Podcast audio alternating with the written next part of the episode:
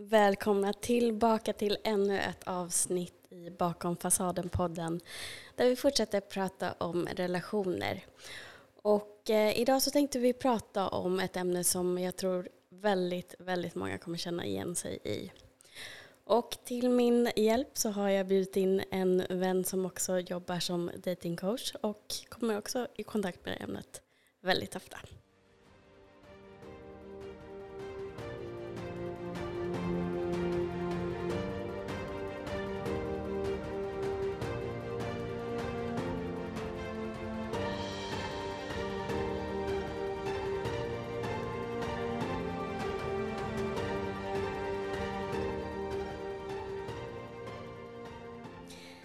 Varit med här förut så jag säger välkommen tillbaka, Sanna. Tack så hemskt mycket. Det här är tredje gången jag är med i din podd. Ja. Ja, det är, men det är så roligt. Det är så kul att sitta här och podda. Ja, så fort du säger att jag har ett ämne vi måste prata om, jag bara, jag kommer direkt. ja men jag, jag, jag ser ju också på siffrorna att det är väldigt uppskattat. Eh, Det ligger liksom topp varje gång du är med på den säsongen. Och jag tror också att det är därför att när du och jag pratar som också är vänner privat så blir det mer naturligt och du får mig öppna upp mig mycket mer och vice versa. Och eh, det är en stor anledning till varför jag gör de här avsnitten och överhuvudtaget gör podden. Är ju därför att jag vill skapa igenkänning. Jag vill att folk ska tänka till och känna att okej, det här är inte bara någonting som jag går och grubblar på utan det finns väldigt många andra som gör det. Och kanske också att vi kan ge tips och verktyg till, eh, för saker som vi har kommit fram till och inte alla kanske men- har hittat. Ja, men precis, och just de här perspektiven, liksom, att vända och vrida på saker. Eh, jag tror det, det är ju det jag själv känner när man lyssnar på poddar, att man bara, ah, så där har jag inte ens tänkt på att det ska kunna vara. Så att det är det vi vill bidra med helt enkelt. Ja, precis. Mm. Och ämnet idag eh, som vi har tänkt på, det, det eller två ämnen egentligen kanske man kan säga, det känns just lite som att de går hand i hand. Vi tänkte prata just om eh, att vara emotionellt otillgänglig och därmed också, vi ska komma till senare, men därmed också att man dras till de som är det och eh, inte alltid förstå det. Och ghosting. Yes. Var vill du börja?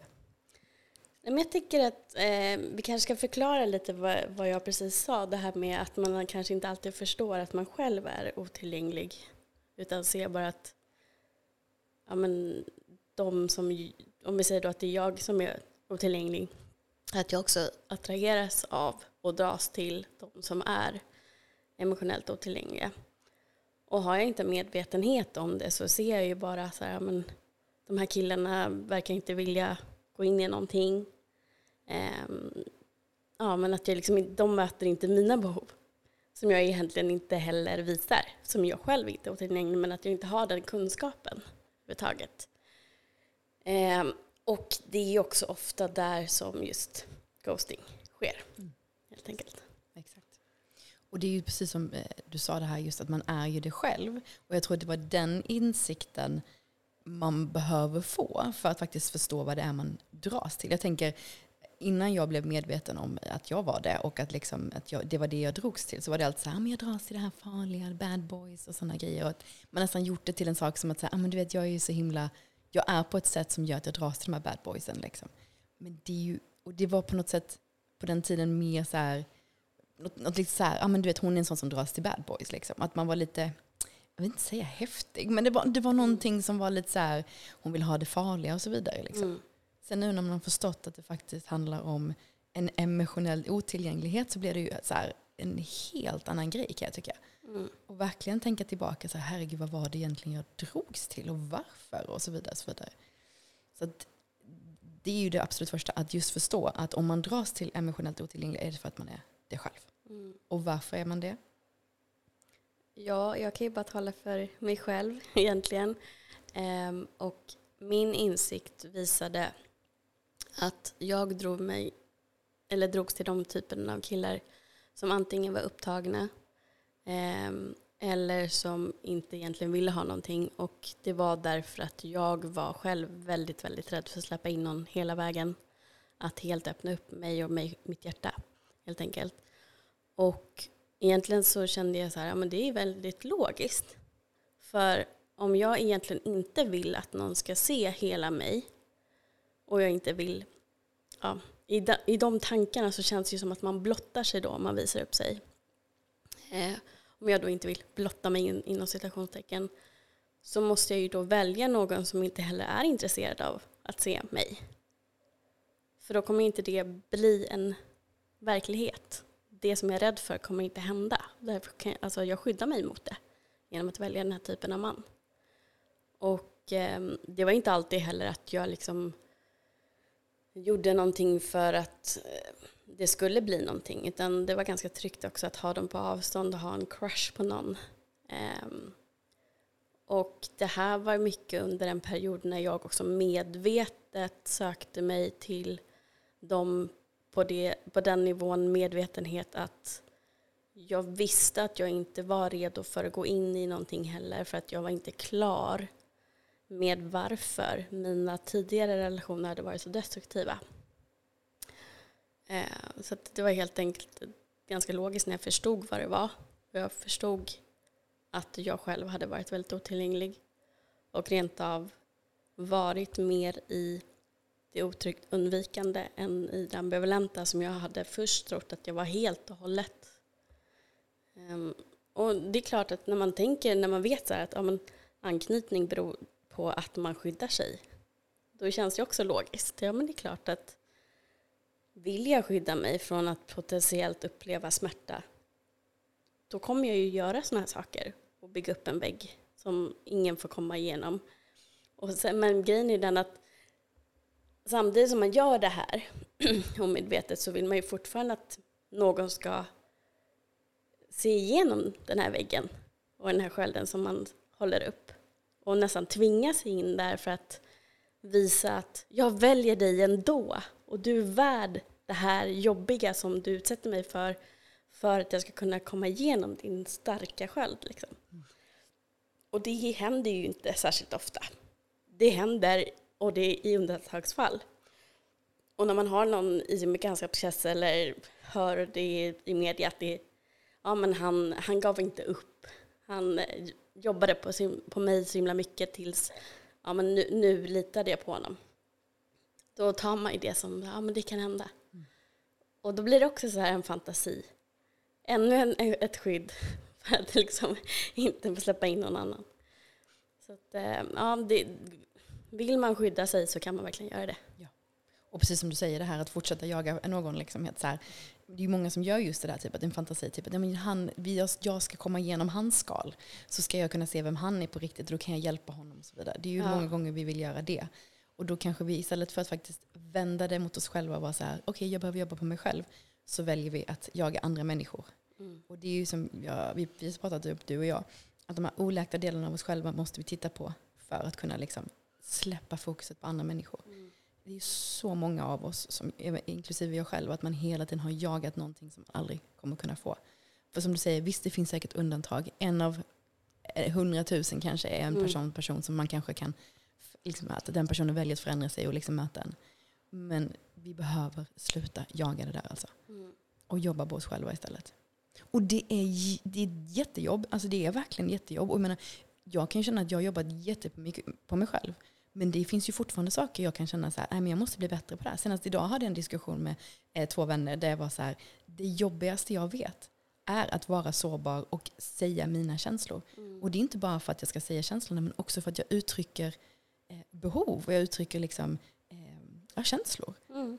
Och det är, jag kan fortfarande ibland gråta. Liksom. Jag gråter inte för att jag är ledsen, men jag gråter för att det är en sån ovan grej för mig på något sätt.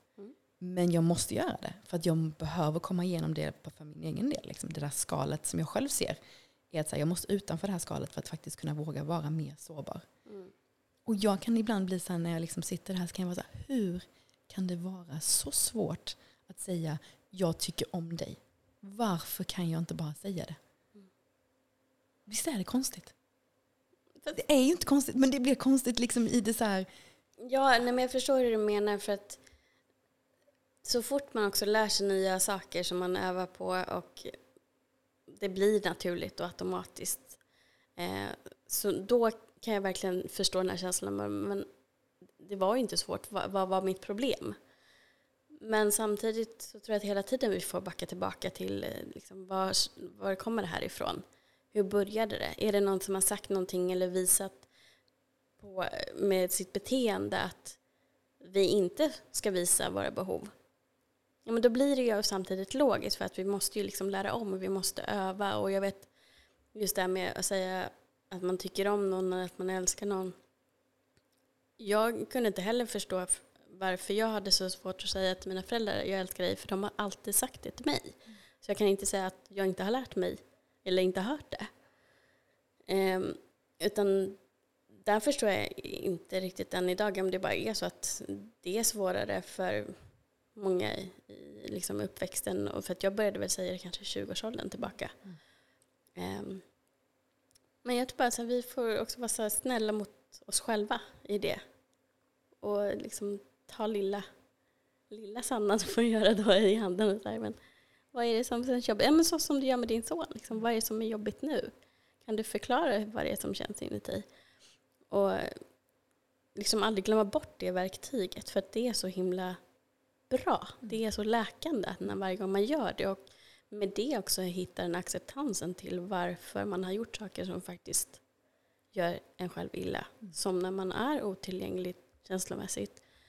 Det var inte liksom, tyckte jag i alla fall, jättekul insikt. Även om det var så här, okej okay, nu förstår jag, nu har jag någonting att jobba på. Men samtidigt så kände jag mig så himla lurad av mig själv. Och verkligen, alltså att här har jag gått och trott att jag har jagat och jagat och varit jätteöppen med att jag vill ha en relation. Mm. Eh, men samtidigt så har jag varit jättestängd. What the fuck liksom. det blir ju verkligen den insikten. Och jag tänker också alltid de här människorna som frågar en så här, varför är du singel? Du som är så himla det här, det här, det här. Så tänker jag bara så här, tänk vad vi, fortfarande kunskapen är så, vad ska man säga, den är så, den är så inte, vad heter det, inte djup, vad heter det? Det är så, det är så tunn kunskap där ute, liksom vad faktiskt som sker i oss när vi går ut i datingvärlden. Eh, och att liksom just att det är då vår anknytning liksom triggas mm. mest. Mm. Och att det är då vi blir så himla medvetna om vad som pågår i oss liksom i våra relationer. Och jag menar, jag tänker på alla våra föräldragenerationer liksom, som har lite svårt att förstå det här att man är singel när man är ja, men, över 30 skulle jag vilja säga. Det är alltid den här, ah, men varför är du singel? Liksom. Så tänker jag, nej men ni har ju aldrig utsatts för det här, att liksom gå ut och fundera på de här grejerna. Mm. Um, så, ah, jag, vet inte, jag tycker ibland så här, jag skulle vilja liksom hela världen bara så här, kan vi bara, för, kan vi bara liksom så här, alla som kanske är singlar, just kämpa just med det här. Mm. Eh, sina anknytningsmönster. Och jag skulle vilja hjälpa alla singlar. Jag har fått in nya coachingklienter eh, som, framförallt män, eh, som, som verkligen, verkligen inte har koll på det här överhuvudtaget. Eh, och jag blir bara så himla glad när jag ser att det är så här, eh, en man i, i, min ålder liksom så här bara, aha, vad säger du? Jaha, okej. Okay. Alltså det är som jag skulle bara vilja sprida kunskapen överallt. För det, så, det kan göra så himla mycket att bara ha lite kunskap. Mm. Om att det liksom är en, en, en, pinne i allt det som pågår. Verkligen. Nej, men jag tror också att ju mer vi pratar om det, och jag märker att det, det växer liksom hela tiden för varje halvår ens i eh, sociala medier att det pratas om och det finns mer och mer på TikTok och det finns mer och mer på Instagram som man kan dela med folk som sätter ord på det man verkligen vill i, i liten content få ut. Eh, och ju mer vi pratar om det också i våra poddar och andra som pratar i det poddar så får man ju också ut eh, just det här med som vi pratar om liksom igenkänning och sånt där. Och eh, jag, jag, vet att det var någon som frågade eh, hur det ser ut också med eh, ration liksom män och kvinnor som lyssnar på podden. Och jag kan inte se exakt eftersom det, den, det mätverktyget kollar bara Spotify-lyssnare. Men det är ungefär ganska konstant 18 procent män och resten kvinnor. Och det har det varit hela tiden, liksom, de här två och ett halvt åren som jag har poddat. Och då tänker jag så här att ja, det är klart att jag önskar att det hade varit fler män som hade lyssnat. Men samtidigt så det, det, går i den takten som det går. Man kan inte heller tvinga på någon någonting som de inte är mottagliga för. Och jag tror generellt att det, det kommer bli, framförallt med de yngre generationerna, mycket mer vanligt att män också är nyfikna på sådana saker. För vi ser ju redan nu, liksom i 20-årsåldern, de killarna nu är ju betydligt mer medvetna och jag skulle säga har större emotionellt intelligens än vad vår generation var då, i den åldern. Så jag ser ändå med hopp om framtiden på, på de yngre och jag tycker också att det är mycket lättare att prata med yngre män eh, om sådana här saker. Det, det känns som att de är inte så stängda. Nej. Om man generaliserar, absolut. Men, men i alla fall i min värld så har det varit så. Visst var det så att du delade på din Instagram en eh, artikel om att eh, det, det börjar öka bland kvinnor, alltså kvinnors standard i relationer ökar. Mm. Vilket gör att det är väldigt många män som har svårt att komma ut i datingvärlden. Visst var det så? Ja, precis. Och det Mm. tänker jag talar, talar rätt liksom, tydligt språk också med tanke på hur många det är som lyssnar på din podd som är kvinnor eh, och som verkligen vill liksom, lära sig om sig själva och så vidare. Och jag menar majoriteten av mina coachingkunder är också kvinnor.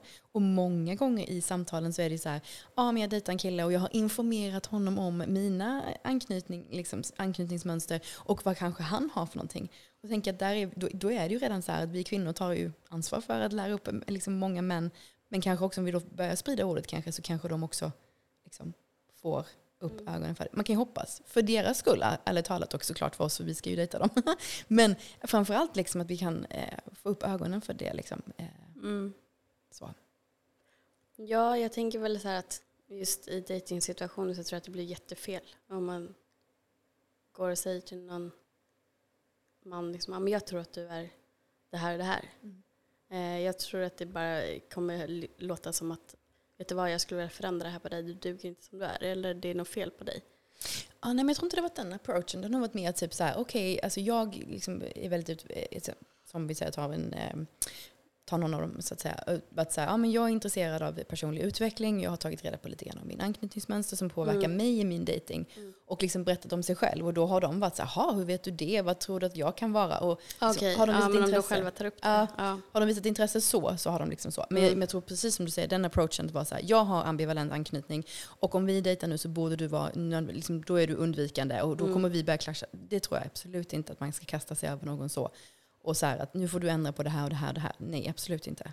Men kanske att se, och det tycker jag är ganska intressant själv när jag är ute och dejtar. Liksom så här att jag, bör, jag har börjat berätta för folk att jag är en datingcoach och folk är väldigt intresserade. Och då frågar de ju ofta liksom så här, "Ha, men vad, vad är det du pratar mest om? Och då pratar jag ju mycket om anknytning såklart. Liksom. Mm. Och att de, då märker jag också så här, är de intresserade av det jag pratar om? Mm. Jättebra. Men jag har ju också haft killar som är så här, ah, ah, men alltså man är som man är. och man bara, okej gubben, då blir det inte fler öl den här kvällen. Liksom. Nej, nej. Det är exakt det jag inte vill ha. Men det är det jag tyvärr tillskriver den äldre generationen. Jag är som jag är. Take me or leave me. Yeah, I'll leave you. Exakt. För att, ehm, ja, nej, jag tycker inte heller, särskilt inte när, när jag har lagt ner så mycket tid på att bli den bästa versionen av mig själv, eller vad jag ska kalla det för, att liksom bli så medveten. Det känns så himla o, oattraktivt att vara så fast vid att jag tänker fortsätta vara omedveten. Jag är som jag är. Mm. Jag förstår vad det är som ligger bakom, men det är inte intressant att dejta en sån person. Men sen tänker jag också att man ska ha med sig såklart att bara för att man har jobbat med sig själv och man har jobbat med sin anknytning och förstår den och att man träffar en person som är trygg eller liksom åt det trygga hållet. Det är inte så att det inte kommer uppstå några problem. Allting kommer vara liksom roses and dandy and all that. Liksom. Absolut inte. Det kommer uppstå jättemycket grejer. Eh, men jag tror att skillnaden är ju då att man är ju så pass medveten om det och att man kan ta och hålla sig själv i handen. Precis som du säger, att man är Exakt. sin bästa version, man är sin bästa vän. Mm. Och att jag tycker det är så viktigt, jag säger det ofta till min, eh, folk, liksom, så här, ta dig själv i handen i den här situationen och vara så här, hur löser vi den här situationen på bästa sätt? Mm. Jag kan se mig själv så, liksom, för två år sedan när någon inte smsat mig på 47 minuter, att jag höll på att gå upp i limningen. Jag visste inte vart jag skulle ta vägen. Men idag är jag verkligen så här, okej men om han inte smsar mig på 47 minuter, då får jag vänta till han smsar mig. Och väljer han då att försvinna helt, ghosta mig, ja men då är han, alltså verkligen ge mig den hjälpen att säga, han är inte för mig då. Mm. Och det, att, att ändra det tankesättet, det mindsetet, gör en sån stor skillnad för hela mitt liv. Eh, och det tänker jag är så himla så här, jag kanske aldrig, aldrig kommer liksom inte reagera. Alltså jag kommer alltid, nu ska vi se här, jag, ska, jag kommer alltid reagera kanske, ha nu har han inte smsat på 47 minuter. Men vad jag gör med det är ju hela skillnaden nu. När man liksom känner sig själv bättre och förstår varför man reagerar. Liksom. Exakt, men det är det de säger också, de här experterna, att liksom, du, du behöver inte ändra eller liksom tänka så här, men jag måste sluta reagera. Visst, det är klart att man, man gör ju det lite grann, för att ju mer trygg du är, desto mindre triggad blir du. Men att reagera, det är ingen fara att du reagerar, det är när du börjar agera på den reaktionen som det blir fel, för att det är hur du hanterar det som händer som visar också på din större känslomässiga mognad och trygghet i dig själv. Så att, ehm, absolut. Jag har en fråga. Jag Ja. kommer faktiskt tänka på det. Det, här att jag, jag brukar, ju- det finns ju två olika sätt att liksom jobba på sin anknytning. Det är ju ofta så att man ska göra annorlunda och tvärtom. Eh, för att liksom testa sig själv i liksom hur jag, om jag nu skulle vilja, när han inte smsar mig för 47 minuter så ska jag ju liksom lugna ner mig och så vidare. Det är ju det som är tanken man ska göra. Men oftast går man då upp i limningen. Okej, hur- om jag nu går upp i limningen, hur kan jag göra annorlunda? Men den andra versionen är ju så att man ska hitta en trygg partner som man kan liksom känna den här tryggheten med och liksom verkligen få hjälp av. Och då tänker jag, hur skulle du känna om du faktiskt nu sprang på en person, blev väldigt attraherad liksom, och det visar sig att han, den här personen har en otrygg anknytning, men att du är den trygga personen och att den personen behöver ta stöd i dig. Hade det varit någonting för dig? Inte ambivalent i alla fall. Varför inte? Nej, jag klarar inte av det. Jag klarar inte ens av det när ehm, alltså vänner är för ambivalenta. För att de, de är vi är ju i det ambivalenta väldigt mycket barn och mycket klänga fast. Och jag klarar mig inte själv. Ehm, och då känner jag mig eh, som att jag inte kan andas. Liksom. Just det. Ehm, så nej, jag kan inte tänka mig det. Ehm, undvikande, helst inte. Men det är svårare att, att upptäcka. Mm. Ehm, så att, men, eh, alltså bara om vi ska bara så här konkret svara på ja eller nej. Liksom. Sen finns det ju såklart alltid olika variabler i det hela och sådär. Um, det skulle vara en person som är väldigt långt gången på sin resa eh, och vet om att jag tycker att det är jobbigt när det går för lång tid emellan ehm, svar och sådär. Ser jag att, alltså jag sitter ju ganska mycket med min mobil. Är det någon som skriver just när jag sitter med den, då svarar jag direkt. Varför ska jag sitta och vänta liksom? Men är det så att jag är upptagen, ja men då är jag upptagen. Eh, men jag gör inte en grej av att, liksom, att det ska ta längre tid att svara eller sådär. Så att, eh, och skulle någon uttrycka det behovet till mig, en person som jag bryr mig om, vare sig det är en vän eller om det är en potentiell pojkvän, att eh, det är viktigt för mig att känna mig trygg, då skulle jag kunna göra sådana saker, absolut. Tills vi bygg, har byggt upp det. Att tänka lite extra på det. Men det tror jag att jag gör lite av mig själv därför att jag vet hur det känns och jag är lätt att sätta mig in i andra personers känslor. Och jag vill liksom inte utsätta någon för potentiell smärta liksom, som jag kan tänka mig skulle kunna hända. Um, by the way, om ni hör någonting i bakgrunden så är det ett fläkt för det är jättevarmt så vi måste få den på. um, men alltså, det är så svårt att säga för att jag vet ju inte liksom exakt hur det kommer bli. Men jag tror också så här att som du säger, för att gå tillbaka till det du, du sa förut, att det kommer alltid vara saker som får en att reagera och när man väl börjar känna någonting för en ny person igen efter de här åren av jobb så eh, jag kan säga att skillnaden från mig för ett år sedan eller kanske bara ett halvår sedan är att idag känner jag att jag är villig att i sådana fall ta det. Det känns inte läskigt. Det känns som att jag sa, ja, det är klart att det kommer bli nervöst att se, höra han av sig igen efter en jättebra dejt till exempel. Um, men jag tror inte att jag kommer sitta där och titta på mobilen hela tiden med samma känsla som tidigare. Och skulle det vara så att man åker på en nit igen och den personen försvinner eller ghostar. Ja, men då tror jag att det skulle vara mycket lättare att liksom hämta sig efter det. Att kunna, jag vet att jag kan hålla mig själv. Jag vet att jag inte skulle ja, eller jag kanske skulle liksom snava till just då, känna mig dålig och inte förstå vad det, eller för stunden känna att jag inte förstår vad som hände. Men jag tror liksom jag skulle bounce back ganska fort och sen gå vidare. Jag skulle inte hänga upp mig på samma sätt för det märker jag bara så här, jag blir nyfiken på någon person nu. Eh, tidigare så hade jag liksom redan börjat planera hela livet tillsammans med den personen utan att ens veta så mycket. Eller någon man har träffat en, två gånger och blivit intresserad av. Nu är det mer så här, okay, jag är nyfiken på vad det här kan bli. Och sen kan jag tycka att det är kul bara att så här, titta lite, vad är det här för person egentligen? Är det någonting mer än what meets the eye? Liksom, finns det någonting här bakom?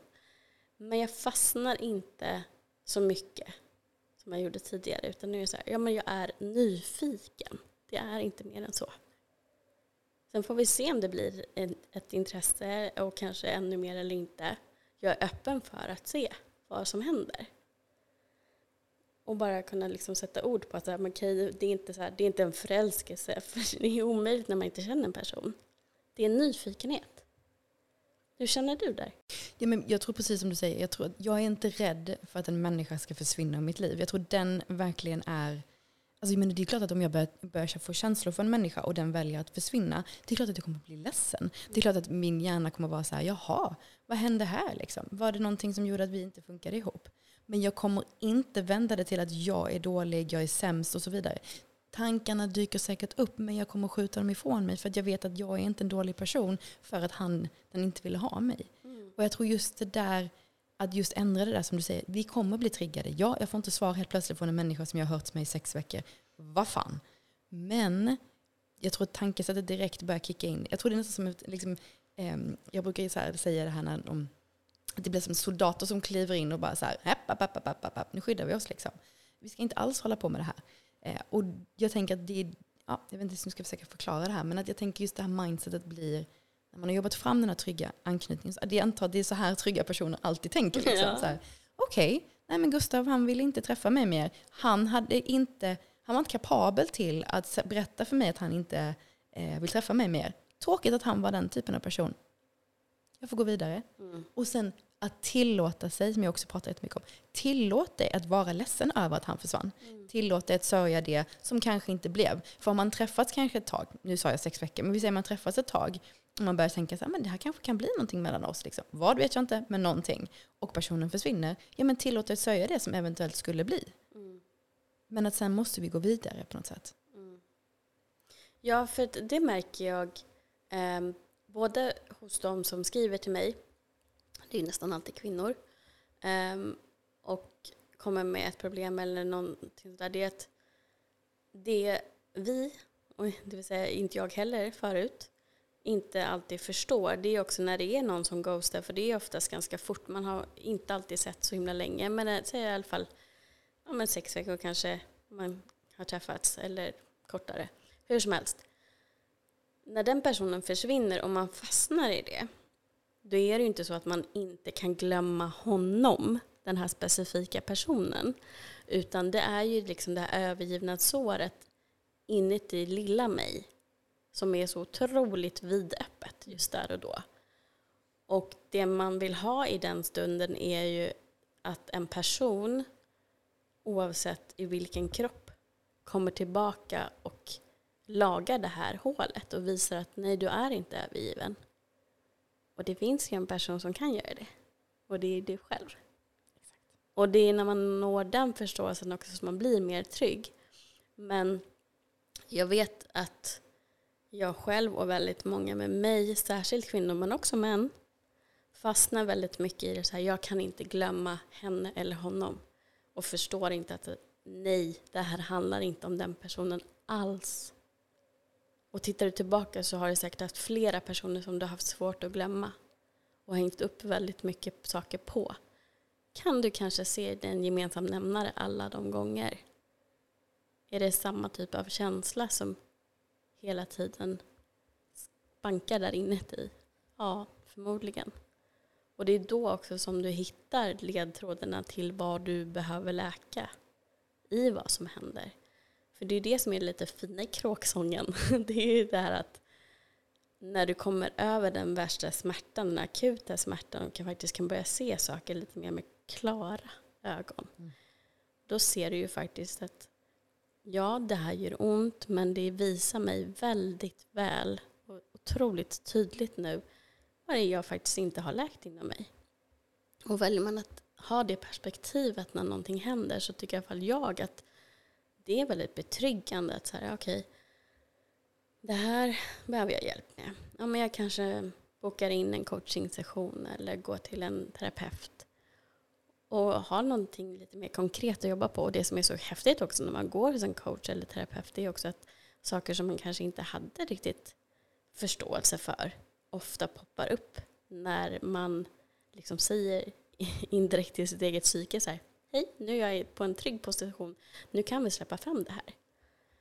Och, och då kommer det fler och fler saker som man kanske behöver titta på mm. helt enkelt. Exakt. Och jag menar, jag kallar, kallar mig, jag är en datingcoach och relationscoach. Men jag menar, många gånger pratar vi inte ens om dating eller relationer i våra coachingsessioner, utan vi pratar om allt annat. Prestation, ovisshet, kontrollbehov. Alltså det är så mycket grejer som kommer med att vara oläkt och liksom ha oläkta delar av sig själv. Mm. Så därför måste man börja titta på olika delar och liksom var, som du säger, man hittar olika insikter och man börjar, man börjar grotta på ett ställe och sen liksom 45 minuter senare så är man på en helt annan plats. Och det är ju det som är så fascinerande just det här med att gå i coaching eller i terapi. Liksom. Man tror, jag, menar, jag vet när jag började med terapi, jag trodde att det var så här, jag är arg på den här personen och det är därför jag sitter här. Mm. Och sen ett halvår senare så var jag, jag inte ens pratat om den här personen överhuvudtaget. För det var inte alls det mina så handlade om. Mm. Så det är ju det som är det, det, fantastiska. Och jag skulle också säga att det här med eh, ghosting och så vidare, dating, det är mycket ovisshet i att vara i, att dejta. Och vi har väldigt svårt att leva i ovisshet. Mm. Kände jag att jag hoppade Vi har väldigt svårt att leva i ovisshet. Mm. Och därför vill vi kontrollera vår, liksom, hur livet ska vara. Och det är också någonting man måste jobba med. Vi kommer aldrig kunna kontrollera någon annan. Mm. Något annat. Ingenting. Det enda du kan kontrollera är dina liksom, handlingar och hur du reagerar till andra människors handlingar. Mm. Och det är också en grej när, man, när det kickar in på något sätt. Man är så här, okej, okay, jag kan inte styra världen. Jag kan bara styra från mitt håll så att säga hur jag vill reagera på det här. Så är det också en grej som hjälper en jättemycket i att hantera när folk försvinner eller hur liksom det är i dejtingvärlden. För det är ju tufft i början i dejtingvärlden att vi liksom inte vet vad den andra känner och vad den andra vill och så vidare. Och att lära sig det, att känna att ovisshet faktiskt är en, kan vara en bra kompis till oss. Det tror jag också gör att man eh, kommer må mycket bättre.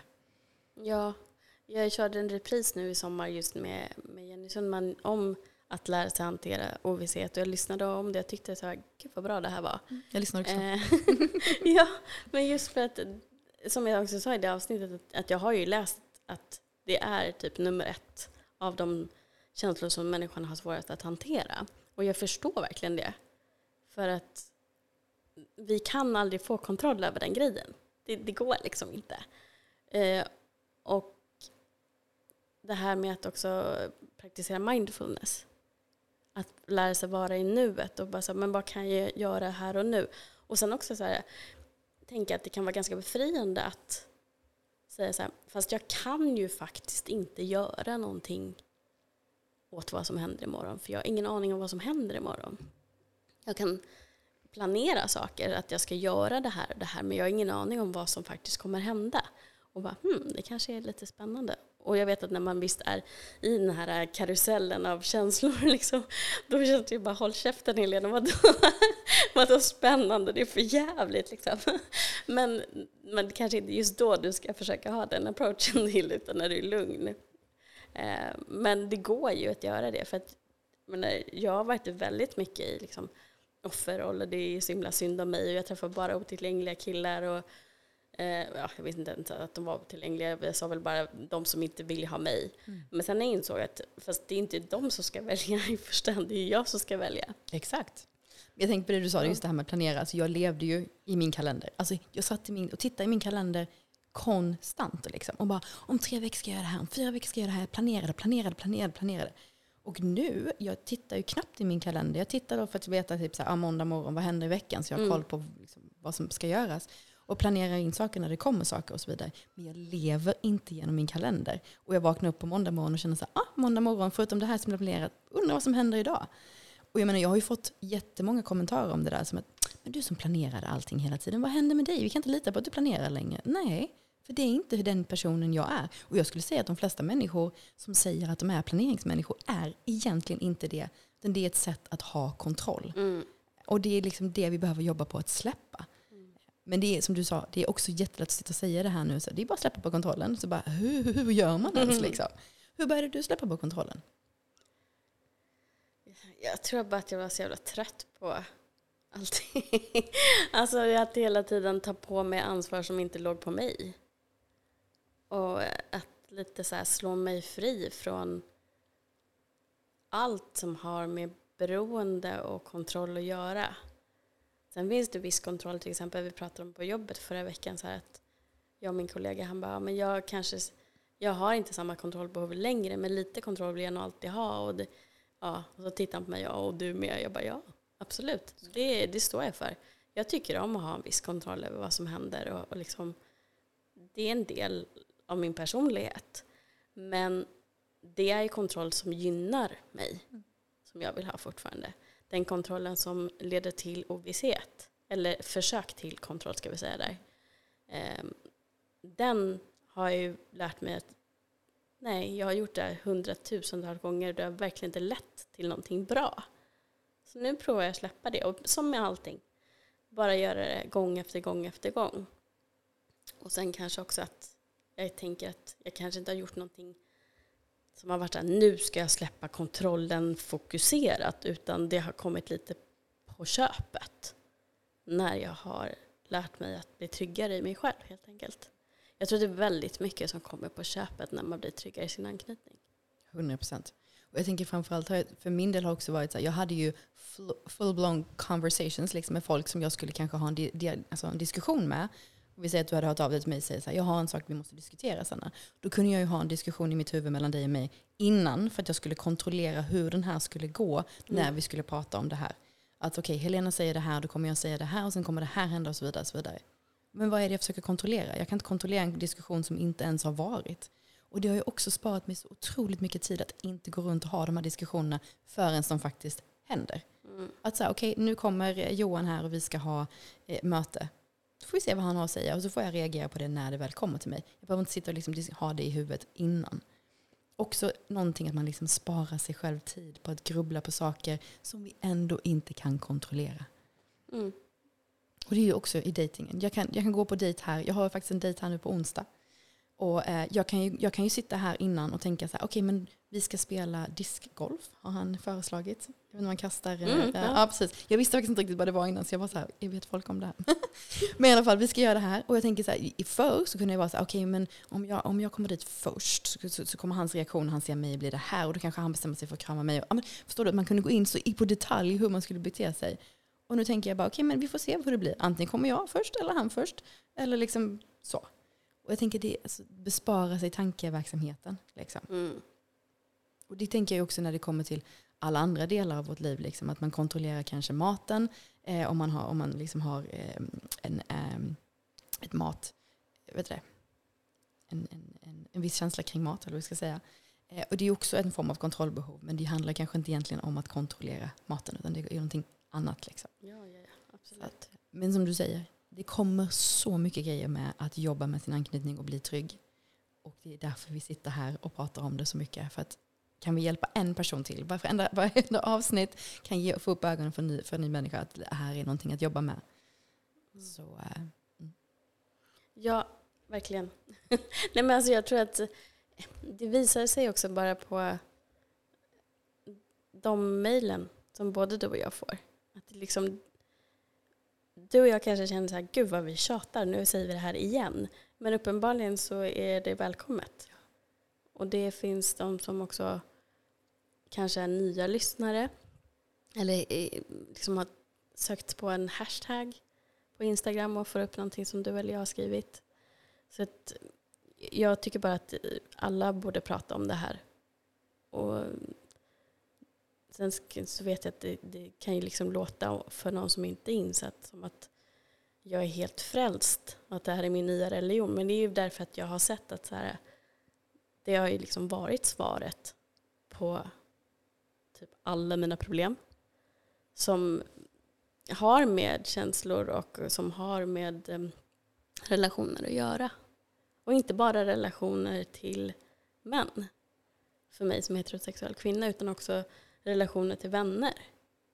Att jag har lärt mig att jag har dragits till undvikande personer i vänskap också. Och då har jag också kunnat bli triggad i det ambivalenta. Så alltså att det liksom det, jag vet inte vad, eh, när jag gick eh, på den här terapin nu senast, förra året, eh, psykosyntesen, så fick jag ett test också som visade hur min anknytning såg ut till mamma, till pappa, syster, bästa vän och kärlekspartner. Mm. Och det var verkligen intressant att det var olika. Och, och då kunde jag gå på de relationerna och säga okej, okay, men vad tror jag att den personen har för anknytning? Och hur triggas vi av varandra eller inte triggas av varandra? Så att, eh, nej, men man får så mycket svar bara när ja. man tittar på det. Jag tänker faktiskt som du säger, det var, det var verkligen svaret på alla mina problem. Och jag vill också addera det att jag tycker att tystnaden som finns i mitt huvud, mm. alltså det är så lugnt. Det är så lugnt i huvudet. När jag jämför med liksom tillbaka några år, det var konstant saker som rullade runt, runt, runt, runt, runt. runt liksom. Och idag är det bara så här, det är tyst. Alltså det är klart att det finns, det är klart att jag har tankar i huvudet, alltså det händer grejer i mitt huvud mycket och vissa dagar är det jättemycket mer och för att jobbet och whatever liksom. Men det är inte den här besattheten. Exakt. Och det här att kontrollera och liksom ha koll på saker och att liksom tänka, vad, vad tänker nu han om mig, vad tänker de? Jag menar, vi vet inte, på min förra arbetsplats, vi var sju, åtta personer som jobbade väldigt tajt tillsammans. Och den personen jag var då, så fort en av personerna hade en dålig dag så gjorde jag ju så att ah, nej, men det är mig hon är arg på. Hon är arg på mig. Så jag gick en hel dag och kunde liksom gått så bara, vad kan jag ha gjort? Vad kan jag ha sagt? Jag måste prata med henne. Vad kan det vara? Och så vidare. Och så vidare, och så vidare. Och sen när jag pratade med henne så var nej, nej, men jag bråkade med min man i morse. Mm. Och då har jag lagt åtta timmar på att analysera varför hon är arg på mig. Hon hade inte med det, överhuvudtaget med det att göra. Ja, ja. Och idag skulle det hända, jag menar jag har ju kollegor idag också liksom på min, på min andra arbetsplats då kommer någon in och är sur, då är jag så här, okej, okay. vill hon berätta vad det är, då får hon göra det. Och då har jag också många kollegor som är mycket, mycket unga än mig, som är precis i min gamla mm. situation. Där de faktiskt kommer på, har ni tänkt på att hon är, hon är på dåligt humör idag? Tror ni det handlar om mig? Mm. Och jag vill bara skaka om dem och bara, släpp det, släpp ja, det liksom. Ja. Men det vill jag också säga, man, ska, man har, alla har sin egen resa. Du kom till den nu, eller liksom har jobbat på de senaste åren. Jag har jobbat på de senaste åren. Jag har många eh, klienter som är mycket, mycket yngre än vad vi är, som redan har kommit till, börjat komma till de här insikterna.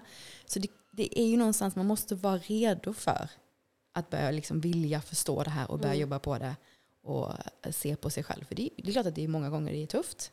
Så är det ju. Men det är så värt det. Ja, herregud ja. Jag tänker lite så här att jag tror att det kommer nog alltid vara så att när man närmar sig 40 eller har precis passerat 40-årsstrecket så kommer vi alltid börja ifrågasätta våra liv. Mm. Och förut så kallas det för 40-årskris och nu kallas, kallar jag det för upptäcktsfärd. Mycket bättre. för att eh, det var särskilt, det var väldigt tydligt när jag började podda att de män och kvinnor eh, som jag pratade med var nästan alltid ungefär i samma ålder som mig. Sen tycker jag att det är otroligt positivt och eh, härligt att det börjar komma tidigare för andra människor. Men med det sagt vill jag också poängtera för att jag vet att det är eh, många som är i 40-årsåldern eller äldre till och med eh, som säger så här, men gud, nu har jag lagt så här många år på att vara fast i det här och inte upptäckt det tidigare. Jag önskar att jag hade gjort det och känner sig ledsna över att de inte kom fram till det de har kommit fram till nu tidigare. Men jag kan bara säga det som faktiskt min tränare Jakob sa till mig när jag sa det. Du var inte mottaglig då. Det hade inte hänt tidigare. Du har din resa, du kan inte jämföra med någon annat. Allting händer dig precis när det ska hända dig. Exakt. Jag håller 100%, med, 100% med. Och jag tänker också så här, det är många kanske som blir upplyst av detta. Jag, menar, jag hade ju nyligen, så här, jag eh, erbjöd ju 15 minuters gratis coaching och jag fick in så mycket folk så jag sa jag tar er allihopa, jag ringer upp er allihopa. Eh, och många av dem var ju runt 30-årsåldern. Liksom, så här. Och vi pratade om det här så jag var så här, vet ni vad anknytningen är? Är inte så himla medveten om det och så vidare. Men man känner också så här, okej okay, det finns kanske inte ett jättestort intresse heller för att lära känna det. Okej, okay. jag skulle aldrig pusha på någon. Utan är du inte, är du inte redo, då är du inte redo. Mm. För precis som Jakob sa och som du också säger, att vi är redo när vi är redo. Mm. Jag var inte redo förrän jag var 37. Mm. Det är min resa. Mm. Och jag kan också ibland känna säkert så här att fan, tänk om jag hade fått veta det här när jag var 21. Liksom. Mm. Men nu är det som det är. Och det och gäller också acceptans. Ja, och sen så tänker jag också så här att allt som vi har varit med om fram till att vi vaknar upp har ju också lett oss till där vi är när vi vaknar upp. Så att om inte det hade hänt, då kanske vi inte ens någonsin hade växt liksom, som människor som vi har valt att göra nu. Exakt. Så jag, jag håller verkligen med Jakob. Och sen tänker jag också på det här, det finns ju ett eh, uttryck, eller vad man ska säga, generational trauma. Mm. Jag tänker att det är många, ja, det här kanske låter jättekonstigt, men jag tror att det finns en person nästan i varje familj som är på något sätt någon, blir det flummigt, utvald till att kanske bryta mönster och liksom göra annorlunda för familjen. Eh, och kanske i, i, i din familj är det kanske du, i min familj kanske det är jag, det kanske är fler i familjen, det säger jag inte, men jag kan känna liksom att den rollen får vissa personer Ja. och då delas den ut när universum ser att vi är redo. Liksom. Mm. Jag har inte varit redo tidigare, men nu var jag redo att se så här, okej, det jag har fått med mig, det vill jag kanske inte, så vill inte jag ha det. Nu bryter jag det här för att min son eller liksom alla runt omkring mig ska få en annorlunda person. Så. Mm. Och så bryter vi det för nästa generation och så vidare. Ja, nej men det, det tror jag verkligen också på. Och sen tänker jag också så att resan har ju liksom så många detours. Alltså det är inte en spikrak resa. Och jag började tänka mer och mer på hur jag levde, vem jag var och allting när jag blev sjukskriven. Eh, en kortare period för utmattning. Och då var jag 35. Men där så valde jag ju liksom på något sätt att sätta upp ett större skydd, ett större högre mur runt omkring mig under tiden jag funderade på vad, vad jag hade gjort mot mig själv. Och då hade jag så himla mycket fullt upp med att också förstå min högkänslighet och hur kan jag leva utifrån den, hur ska jag absolut inte leva, uppenbarligen inte så som jag hade gjort. Ehm, så att jag tror också så här att har man mycket i sin ryggsäck så kommer allting liksom lite pö om pö. Det finns en period för varje sak. Liksom. Det går inte att bara säga, ja men nu ska jag läka allt. Det kommer ta de åren det tar. Och sen kommer kanske hända någonting längs vägen också som gör att en annan sak kommer upp som du inte alls hade tänkt att göra. Jag tänker bara på så här att ehm, ja, men då blir det liksom, högkänsligheten blev prio ett för mig och att hitta ehm, en jobbsituation som är så stor, alltså jobbet är så stor del av ens liv ändå, som fungerade för mig för att jag skulle må bra. Eh, och eh, där var det också så här, jag bröt med mycket som hade varit hela min vardag där och då. Jag bröt med många relationer eh, och, och liksom började bygga, men då var jag liksom inte mottaglig för att sitta och jobba med anknytningen. Så att även om jag tror att det var någonstans där som jag också hade köpt hemligheten. Och bara, ah, okej, ja, men jag, jag kollar i det här och jag, jag är nog ambivalent. Så i och med att jag liksom saktade ner hela mitt liv så blev det så lugnt och tryggt på något sätt. Men det blev en falsk trygghet. För jag blev inte triggad någonting. Och jag har verkligen så här tänkt på att jämföra den perioden med vart jag är nu. För nu är jag också väldigt, så, ja men som du säger, det är tyst i huvudet. Eh, och jag blir inte triggad. Ehm, men jag känner inte att det är som förut, att jag liksom har det här behovet att skydda mig. Liksom muren är nere. Mm. Och det är ganska häftigt att känna. Men nu så blir det också ett mer medvetet läkande på de saker som fortfarande kommer upp. Som, som jag berättade för dig, eller med militärgrejen som liksom, ja men då kanske jag liksom säg, sätter en kväll så här, ja men jag bär fortfarande sorg i kroppen över det som var jobbigt där och då som man stängde ner och sådär. Och Det är ingen jobbig grej för mig att sitta, en gråta, sitta och gråta en kväll. Alltså dagen efter så mår jag bra igen. Det, det är liksom så tryggt i smärtan på något sätt. Exakt. Och där, bara det är, liksom, det är 15 år sedan. Mm. Men det är okej. Och det är okej om du som lyssnar säger så här, men det som hände mig var 40 år sedan. Och jag har inte haft kraft att släppa fram det förrän nu. Nej. Bättre sent än aldrig. Exakt. Och ja, det tänker jag, jag har haft en, en kille i mitt liv som har funnits de senaste 20 åren. Han var min första kärlek. Nu är jag tveksam till om det var kärlek eller om det var Mm. attachment. Men det behöver vi ta i ett annat avsnitt. Men just liksom att det, det det krävdes liksom att det skulle ta så många år för mig att inse varför jag höll fast vid honom. Liksom. Och lite som du säger, bättre sent än aldrig. Men idag när jag liksom, om han skulle höra av sig till mig nu så är jag så här, kunde inte bry mig mindre. Och det är ändå en människa som har triggat mig så otroligt mycket under så många år. Men att det bara liksom, det behövs jobbas fram. Och som du säger, att du plockade fram den här, kolla på den här, det var 15 år sedan, men du vet att du kan hantera det och så vidare. Jag vet ju om han hör av sig, jag kan hantera det.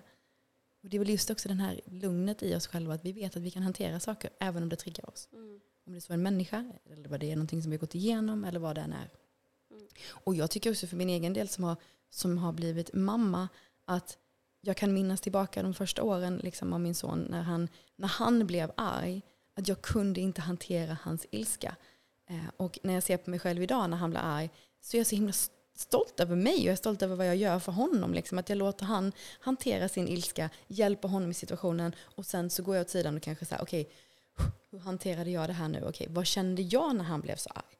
För backtrackar vi då tre år sedan och han blev jättearg, då kunde jag bli så här jättearg tillbaka. Och bara, varför blev du arg? Liksom? Jag kunde inte hantera hans ilska. Mm. Och det tänker jag också att man hjälper sig själv som i föräldrarollen eller som du är moster. Du kommer också hantera, liksom, behöva hantera det där. Att man liksom lär sig hantera sina känslor för att kunna hantera andras känslor. Mm. Jag vet inte hur många killar jag varit tillsammans med som bara, ah, nej men du kan inte gråta, jag kan inte hantera din, din liksom, att du gråter. Ja. Man bara, okej, okay, så att, nej men då gråter jag inte då. Då stänger jag ner i mina känslor så att du inte ska må dåligt av det. Typ. Eller så lär du dig att hantera folks känslor och inte ta liksom, ja, så. Mm. Men det, det är ju faktiskt också väldigt så här otillgänglig person. Oh ja. För att om de tycker att det är jobbigt, och det här finns ju liksom hos män och kvinnor som är äldre också.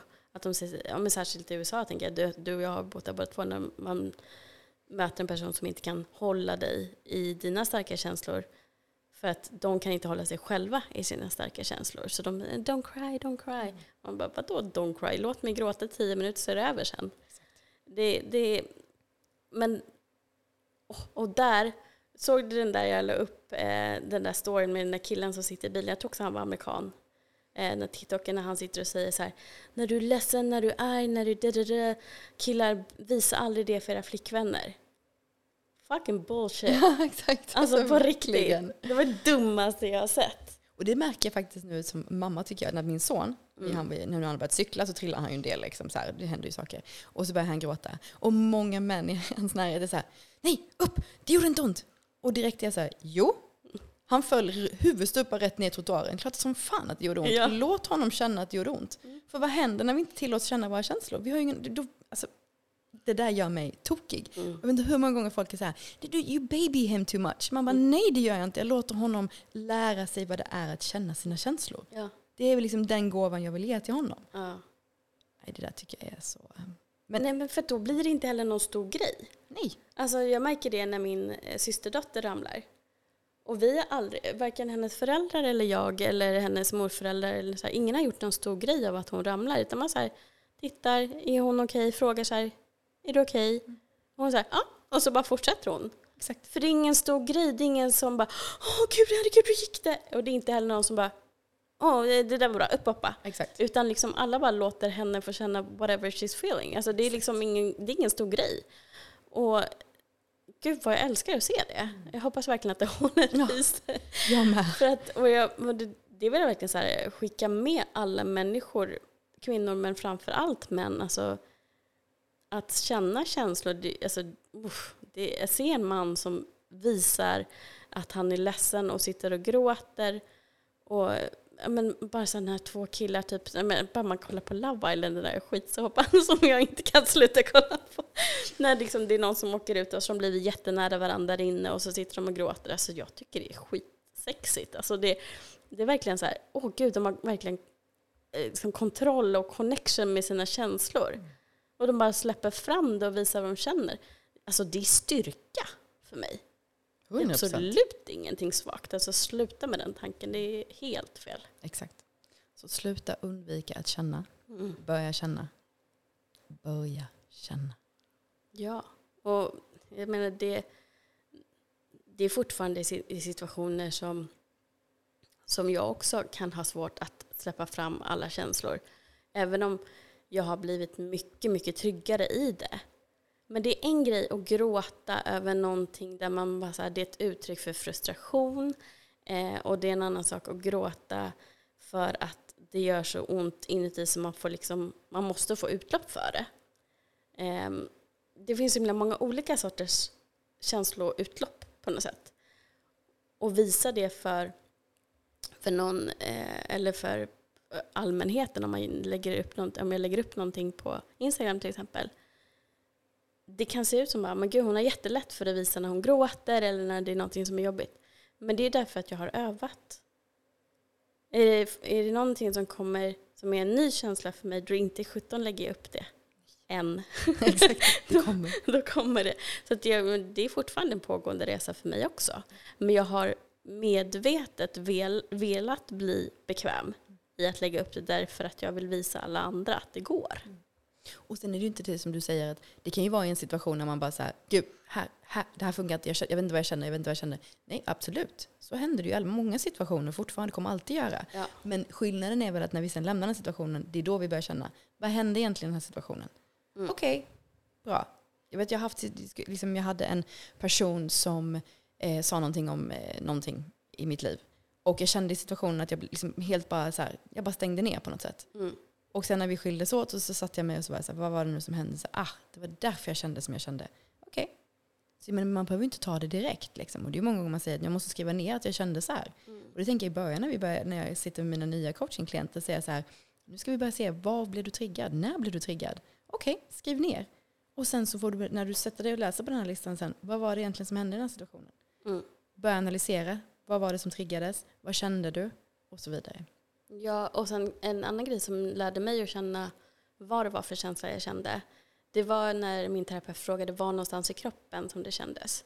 För att jag hade också ofta det här svaret så här, jag vet inte. Mm. När hon frågade vad det var som kändes. När vi pratade om någonting och så dök det upp en, en stark känsla. Och då brukade nästan alltid så min hand komma till bröstet. Bara, ah, men det är, är det här, okej, men vad, vad, brukar du känna när det känns där? Ja, men det är sorg till exempel. Um, så att, sådana saker när man bara så förnimmer, eller liksom, vart förnimmer man i kroppen Exakt. just nu? Mm. Så um, det, det, tycker jag är jättebra grej. Eller liksom kanske ta en paus, ta en promenad och bara låta allting få landa mm. i kroppen så att man liksom kommer ur sitt huvud. För oftast när vi känner någonting så kan det bli att man börjar tänka för mycket istället för att verkligen känna efter vad det är för någonting. Exakt. Man tappar kontakten med sig själv på något sätt. Mm. Och det brukar jag säga också till människor som jag pratar med eller i coaching eller vad som helst. Om du har möjlighet i en dating liksom situation och du känner så här, nu börjar jag tappa mig själv här, jag vet inte vad som pågår och så vidare. Gå in på toaletten, ta en paus, gör en liten dans där inne, sätt på, ta med dig telefonen och spela lite musik och ta en dans. Mm. Bara för att liksom komma ur det här som du fastnar i. Mm. Eh, och tillåta dig att gå in och känna om det är någonting som har uppstått eller så vidare. Men ta en paus. Eh, och våga ge dig det. Det handlar ju om det här, återigen, att komma tillbaka till det här självkärleken. Liksom, att så här, vem ska må bra i den här situationen? Jo, jag måste må bra i den här situationen. Mm. Ta en paus.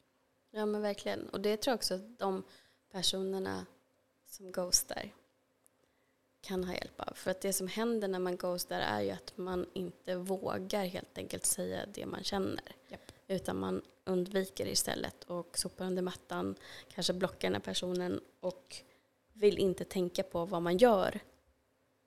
För man gör ju skada ja, hos en annan person. Ja. Men att man liksom tror att man tar the easy way out. Ofta så tror jag att den här personen mår sämre av den handlingen istället för att bara så skriva vet du vad, jag känner inte att jag vill fortsätta ses. Och jag kan tänka så att jag tänkte väldigt ofta när det hände eller att liksom någon försvann på något sätt eller skyllde på någonting som inte jag märkte var riktigt sanningen. Att, eh, ja men vadå, vad är det som är så svårt? Du behöver inte ens säga det face to face längre. Du kan smsa att du inte, vill känna, att du inte känner att du vill träffas längre. Mm. Men för de människorna så är ju det värsta grejen. Mm. Det är ju jätte, jätteläskigt. Mm. Och just att bara titta på den smärtan som innebär den rädslan för att göra så. Vad, vad är det som gör att du blir så rädd så att du inte klarar av att ens skriva det? Exakt. För att det kan inte vara kul Nej. att vara i den situationen heller. Alltså lika hemskt som det är för den personen som blir utsatt så det är inte så kul för den som gör det heller att vara så. otillgänglig emotionellt och har så dålig kontroll och kontakt med, med sina egna känslor. Exakt. Nej, alltså det här är det som jag tror vi sa i förra avsnittet som jag var här också var att så här, vi skulle behöva lära oss det här när vi går i skolan. Mm. Så att vi inte behövde liksom ta tag i det när vi var redo i vuxen ålder så att säga. Mm. Men, eh, ja. Har du något tips som du skulle kunna komma på till de som lyssnar för hur de skulle kunna veta om de är emotionellt otillgängliga själva? Jag skulle, det är ju de här grejerna som vi jobbar på i det, liksom att våga stå i sitt eget värde. Att liksom uttrycka behov, sätta gränser, eh, visa sårbarhet. Om någon grej av det här liksom känns jobbigt, eh, någonting man inte vill göra, så finns det en möjlighet att man är lite otillgänglig. Mm. Framförallt sårbarheten, tror jag. Det är det största. Och jag tänker att man ska, eh, jag vet inte om det finns här direkta liksom, eh, test på internet. Så här, är jag emotionellt otillgänglig? Men jag tänker att ta ett eh, anknytningstest. Mm. Definitivt visar ju på att om man har någon form av otrygg anknytning så har man ju, är man ju lite emotionellt otillgänglig. Mm. Så det tänker jag att det, och det har jag ju, jag vet nu när jag körde alla de här gratis eh, coachingsamtalen eh, så skickade jag med säkert tio av dem att så här, har du gjort ett anknytningstest? Och de bara nej. Så, så här, gå ut och gör ett test. Eh, och det är ju som vi sa innan, det är, det är inte alla som är redo att börja grotta i det nu. Men du har ändå fått med dig någonting kanske att, eh, ja, vi säger att man är 30 och man får det här att okej. Och sen när man är 37 års ålder så bara, nu, nu är jag redo att liksom grotta vidare i det här. Mm. Men jag skulle vilja skicka med det som tips. Att Mm. faktiskt testa sig själv. Det finns på bättrerelationer.se brukar jag eh, tipsa om. Jag tycker det testet är ganska enkelt men det ger ändå liksom en indikation på det. Mm. Eh, och när du sen känner dig redo att börja titta på dig själv eh, så kan du liksom eh, jobba på det. Mm, du vet i alla fall då vad du behöver jobba på. Ja. Och är det så att du känner att du vet mer att det är lite mer komplext. För att jag vet, eftersom jag känner Anna och Mikael som har gjort det här testet. Mm. Och det är Anna Ekeneld som har gjort också de här eh, avsnitten med, tillsammans med mig om eh, otrygg ambivalent och otrygg undvikande som jag har kört i repris i sommar. Mm. De tog ju inte med eh, desko- desorganiserad. Och det var helt enkelt därför att de tyckte att den var lite mer komplex. Mm. Och eh, där märker jag ganska fort när jag pratar med någon om jag tror att det kanske egentligen är den anknytningen de har.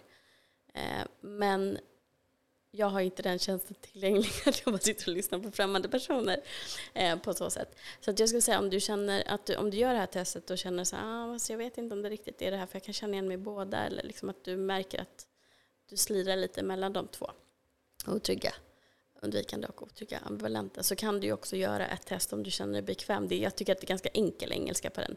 Personal Development School Attachment Quiz. Det är bara att googla på det så kommer den upp. För då kommer det upp också Fearful Avoidance som den heter på engelska, den desorganiserade. Och eh, där finns det ju också jättemycket resurser att få hjälp. Du kan gå online coaching, du kan vara med i deras eh, Facebookgrupp, du kan titta på deras gratis video på Youtube eh, där deras grundare Thais Gibson sitter och pratar korta 10 minuters videor om olika problem som uppstår ofta så att man också får en större eh, förståelse för sig själv. Det var det som gjorde att jag förstod vilken väg jag behövde gå, förstod mig själv, förstod folk omkring mig. Eh, men framför allt, som en för detta des, otrygg desorganiserad, så förstod jag att det är fullt möjligt att bli trygg. Ehm, och det är inte alltid det intrycket man får när man läser eh, på internet när man bara googlar. Exakt. Så det kommer jag också tjata om. Men jag tänker så här, jag länkar helt enkelt till de här sidorna i beskrivningen och jag länkar också till eh, dig om man eh, blir nyfiken och vill unna sig att investera i coaching hos dig. Och så hoppas jag helt enkelt att du som lyssnar har fått med dig någonting när det gäller kunskap och igenkänning och eh, lite tips också med det här med att vara antingen otrygg i din anknytning eller kanske både det, eller som, som vi säger då, att det hänger ihop också med det här att vara eh, otillgänglig känslomässigt och därmed också dra till dig den typen. Är det någonting du känner att du vill tillägga? Nej, jag vill bara tacka för att jag får komma hit. Det är så kul. ja. Nej, men jag känner att du kommer bli ett eh, stående inslag här för att eh, det blir så himla bra. vad roligt. Jag kommer. Ja. Så är det någonting också du som lyssnar vill att vi pratar om så får ni jättegärna höra av er till någon av oss att, med ett litet tips så tar vi upp det senare helt enkelt. Men eh, då har det blivit dags helt enkelt för att tacka för att du har tagit dig tid att lyssna. Dela jättegärna avsnittet med de som du tror skulle behöva lyssna och höra det vi har pratat om. Och eh, som sagt, hör av dig till oss om du har några frågor eller funderingar. Men annars så säger jag bara tills vi hörs igen, ta hand om dig.